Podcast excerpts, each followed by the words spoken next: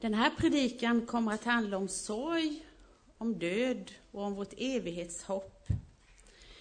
Allhelgonahelgen påminner oss på ett särskilt sätt om hur skört livet är. Hur nära det är mellan hälsa och sjukdom, mellan lycka och olycka och mellan liv och död. Ett helt liv innehåller oftast sorg. Och ju äldre vi blir, ju oftare får vi uppleva det. Våra föräldrar dör, vänner dör, partners dör och vi sörjer. Jag tänker så här att ett liv är som en matta som man väver.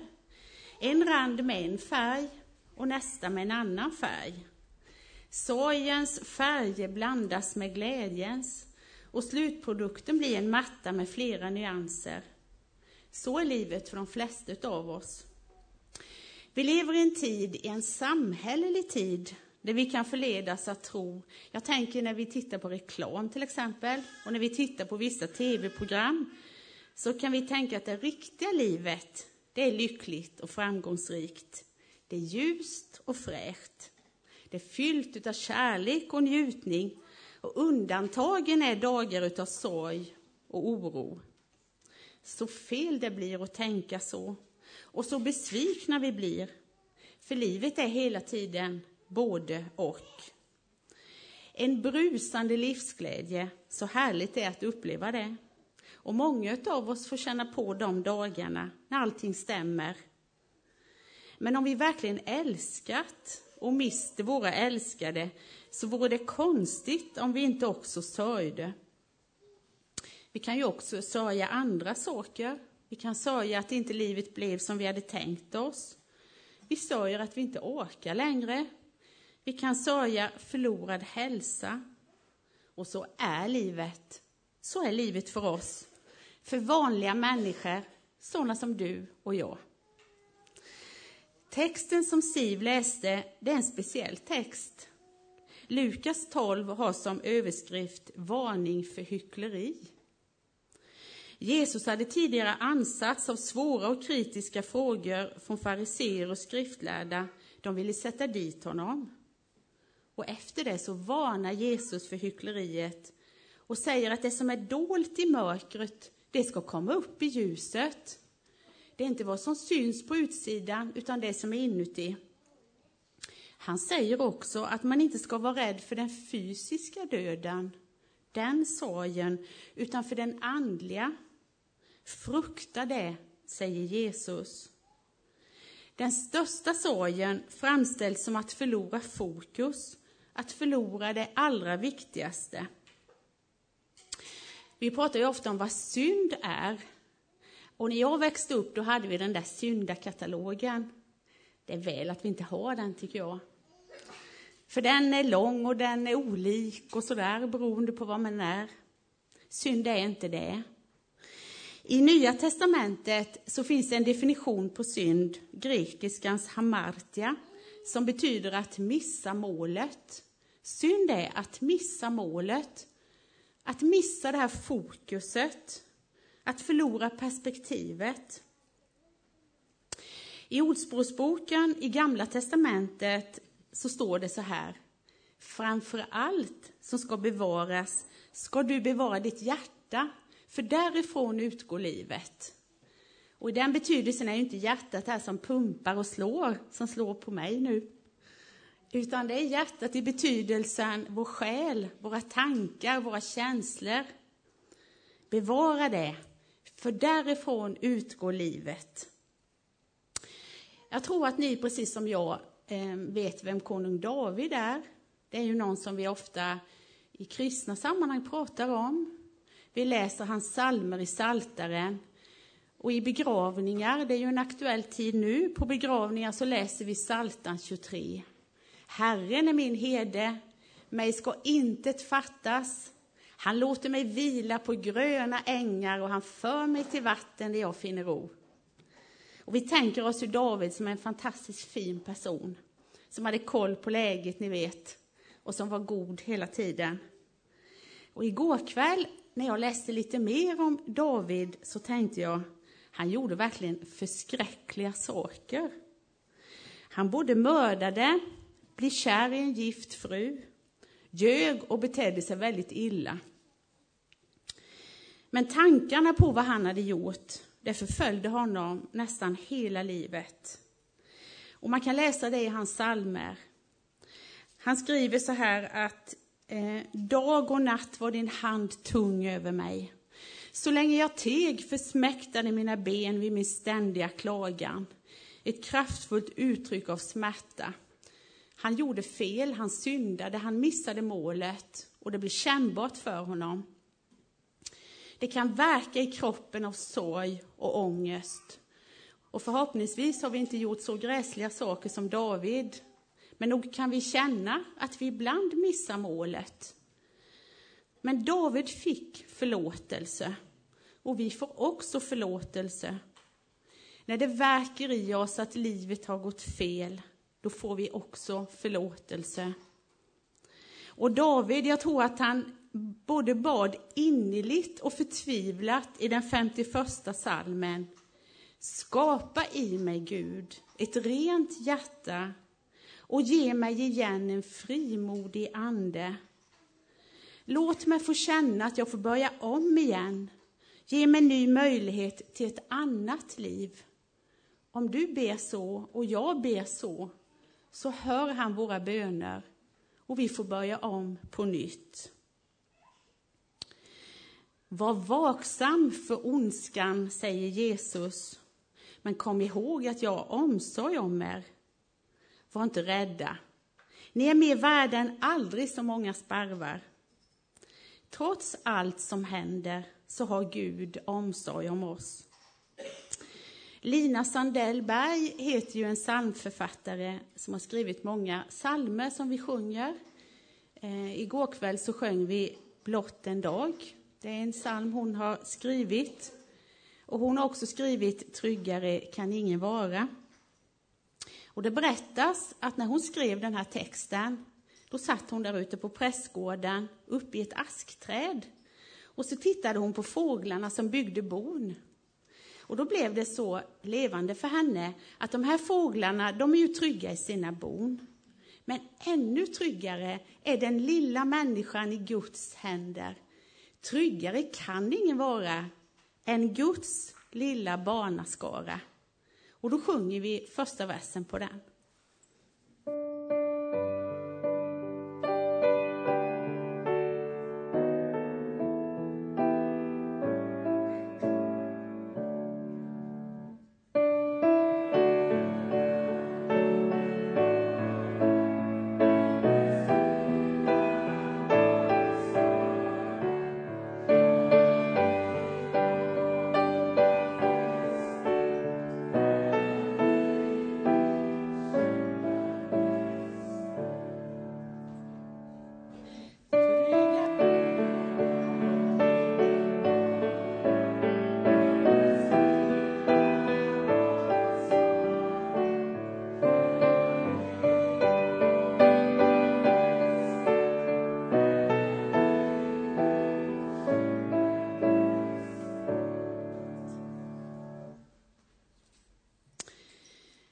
Vi får alla efterhand uppleva sjukdom, oftast får vi göra det, sorg och alla får vi uppleva död.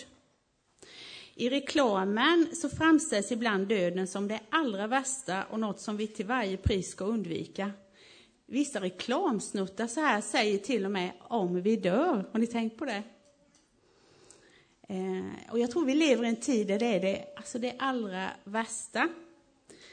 Och visst är det naturligt att vilja leva. Den sunda människan vill ju leva. Livsdriften är den absolut starkaste hos oss alla. Men vi ska alla dö. Och det är inte det värsta. Frukta inte den fysiska döden, säger Jesus, utan frukta den andliga.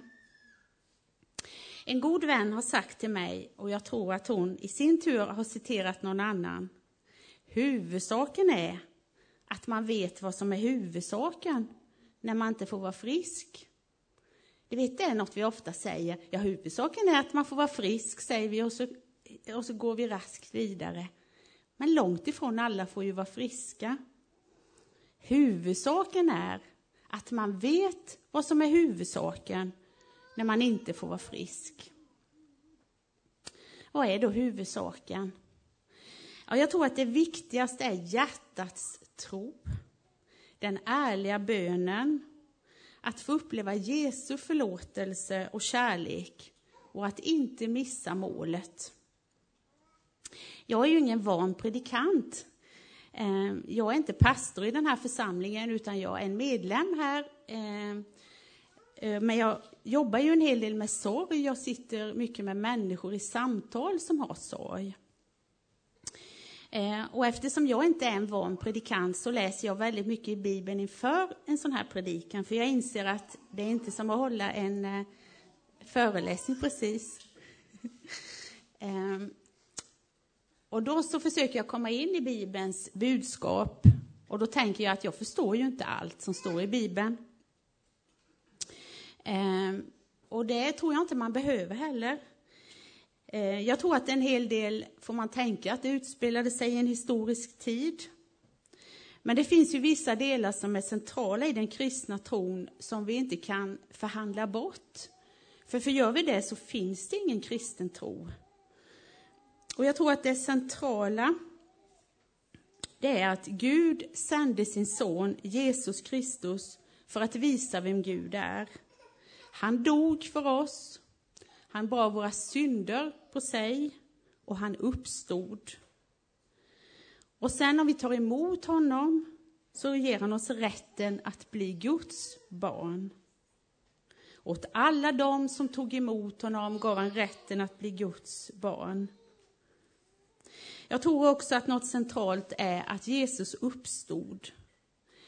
När du kommer hem idag så läs första Korintierbrevet 15. Det är ett fantastiskt kapitel. Det handlar om uppståndelsen. Och där står det så här. Om det inte finns någon uppståndelse från de döda så har heller inte Kristus uppstått. Tänk på det. Den som tror på honom ska leva om han än dör. Där har vi evighetsperspektivet och hoppet. Evigheten börjar här i människors hjärtan och fortsätter sedan. Det är ju lätt att vi hamnar i två diken. Och jag kan säga att jag har varit i båda två, i perioder sådär. Och det ena diket, det är att vi bara är i kyrkan hela tiden. Vi umgås bara med kristna, för vi tycker att de andra är rätt komplicerade. Det är lite jobbigt sådär när de ställer frågor. Så det är smidigare på något vis att vara bland de kristna. Ehm, och sen så tänker vi att vi är här och, och sen så längtar vi till himlen. Längta till himlen tror jag i och för sig är fint, men att bara umgås med kristna tror jag inte på. Jag har väldigt svårt att läsa i Bibeln att vi skulle leva det livet, utan jag tänker mer att Jesus han uppmanar oss att vara ljus och salt att göra skillnad där vi är, i våra familjer, eh, fullt av jobb och sådär, att vi ändå gör skillnad. Att vi är ljus och salt. Att vi står upp för det som är rätt, för fred, för frihet. Att vi är emot förtryck, tänker jag. Men sen finns det ett annat dike som är lätt att hamna i, och jag har varit där också.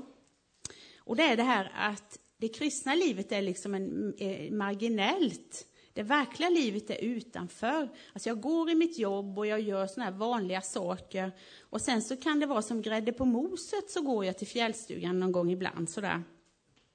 Och det kristna livet påverkar mig inte särskilt i mitt liv. Och det är lätt hänt att hamna där. Och så går vi på det här som samhället säger idag, carpe diem, fånga dagen. Lev här och nu. Det är så kort, vet du, livet. Det gäller att leva nu. Det är väl fint med carpe diem, men inte jämt, tror jag inte. Ungefär så här att eh, om jag gör lite fel nu, vad gör det? Snart är jag gammal och då ångrar jag att jag inte tog chansen. Alltså det gäller att hinna med och leva hårt, lite rått ibland. Snart vet du så orkar jag inte. Ta för dig människa. Tänk på dig själv. Jag tror det är väldigt farligt att leva så. Jag tror att vi både blir olyckliga eh, och då blir ju också döden något väldigt onaturligt. om vi har det perspektivet, då blir döden både onaturlig och fullständigt meningslös. Därför att vi lever ju bara här och nu. Det gäller att ta för sig. Och ingenstans när man läser i Bibeln så framställs ju den synen. Utan mer att det vi lever här har betydelse för evigheten. Uppståndelsetron ger oss nya prioriteringar vi är frälsta av nåd, det är inte så mycket med oss, men samtidigt så har det betydelse för hur vi lever. För varför skulle annars Paulus ha skrivit så mycket i sina brev? Både i relationen hur vi har det med Gud och hur vi har det med varandra. Det har betydelse hur vi lever. Vi är skapade till ett liv med Gud i evighet.